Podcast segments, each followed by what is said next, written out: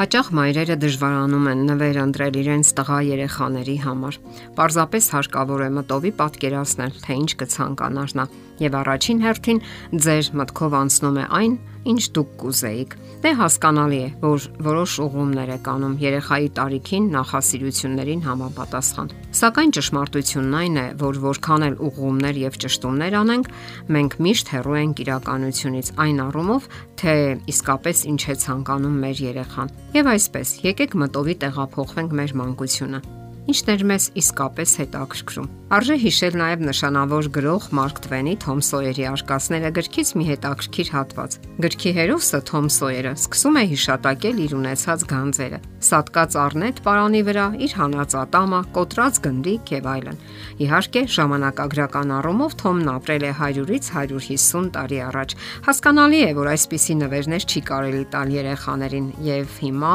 նրանք չեն հետաքրքրվում նման բաներով։ Հիմա այլ ժամանակներ են։ Մենք պետք է հասկանանք, որ մեր ճաշակով ընտրված, այսպես ասած, օգտակար նվերները կարող են բոլորովին էլ դուրս չգալ մեր երեխաներին։ Դուք կարող եք օգտակար համարել, ասենք, զարգացնող խաղերը, փազլները, շախմատը, հետաքրքիր գրքեր եւ այլն։ Սակայն նրանք կարող են օգտակար լինել կամ ձեզ, կամ ձեր երևակայության մեջ ստեղծած երեխայի համար։ Անծանոթ երեխաների դեպքում կարելի է փորձել իմանալ նրա ճաշակը կամ էլ տեսնել, թե որ խաղալիքներն են ամենից շատ գնում ծնողները։ Իսկ ձեր երեխայի դեպքում որոշակիորեն պետք է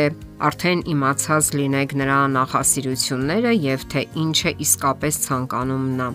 Դրանք կարող են լինել բոլորովին էլ ոչ այնքան թանկ, կարող են նաև դուրս չգալ ձեզ, թվալ անկարևոր, անհետաքրքիր, չզարգացնող, դաժան եւ այլն։ Սակայն յուրաքանչյուր խաղալիք ի վերջո կարող է զարգացնել երեխային, օգտակար լինել ավելի շատ, քան այն,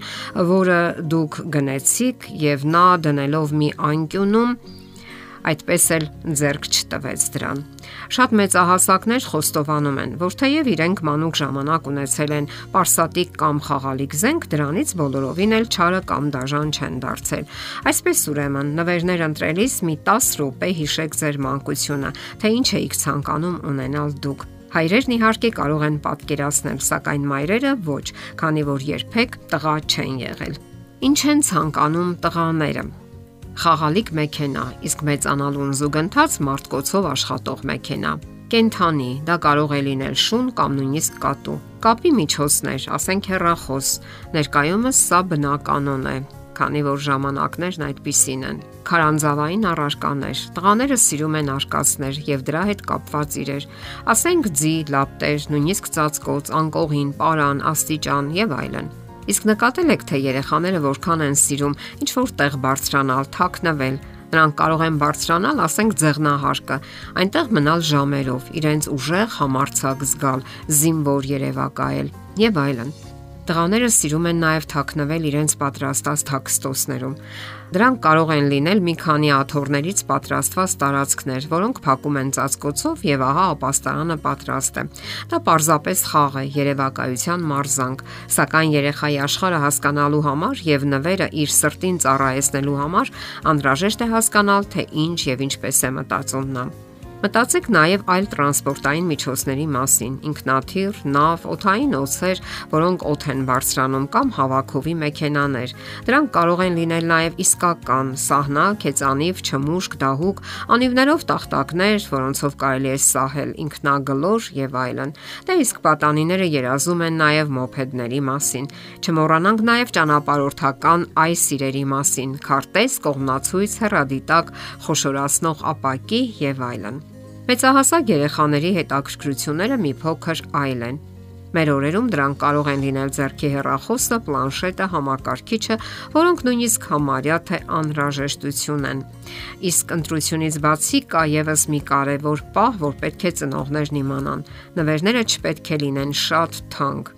Այդպես չվարվեք նաև այն դեպքում, եթե ձեր հնարավորությունները շատ թեթևորեն թույլ են տալիս դա։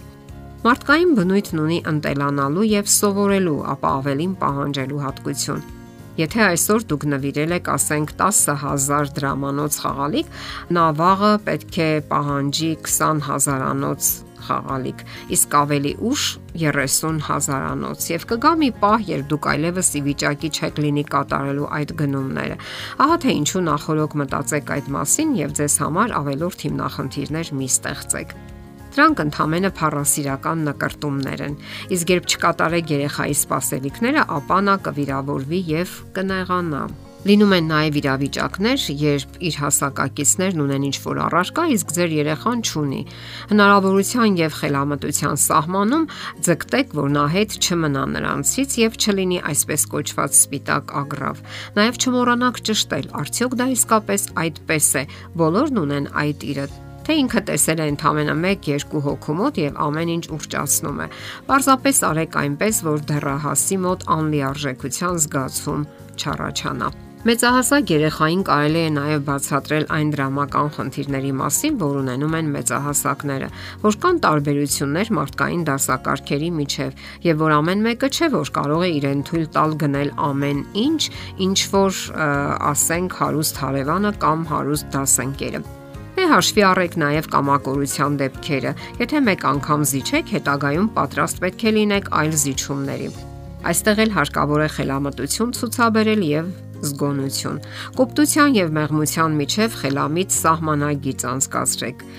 փորձեք լինել ավելի շատ նրբանակատ, քան կոպիտ, բայց եւ հաստատակամ, որ նա հասկանա, որ դուք եք դրության տերը, բայց դա նաեւ սիրո վրա հիմնված դիրք է, այլ ոչ կամայական ու քմահաճ։ Դա էլ կլինի լավագույն նվերը։ Եթերում է ընտանիք հաղորդաշարը։ Հարցերի եւ առաջարկությունների համար զանգահարել 033 87 87 87 հեռախոսահամարով։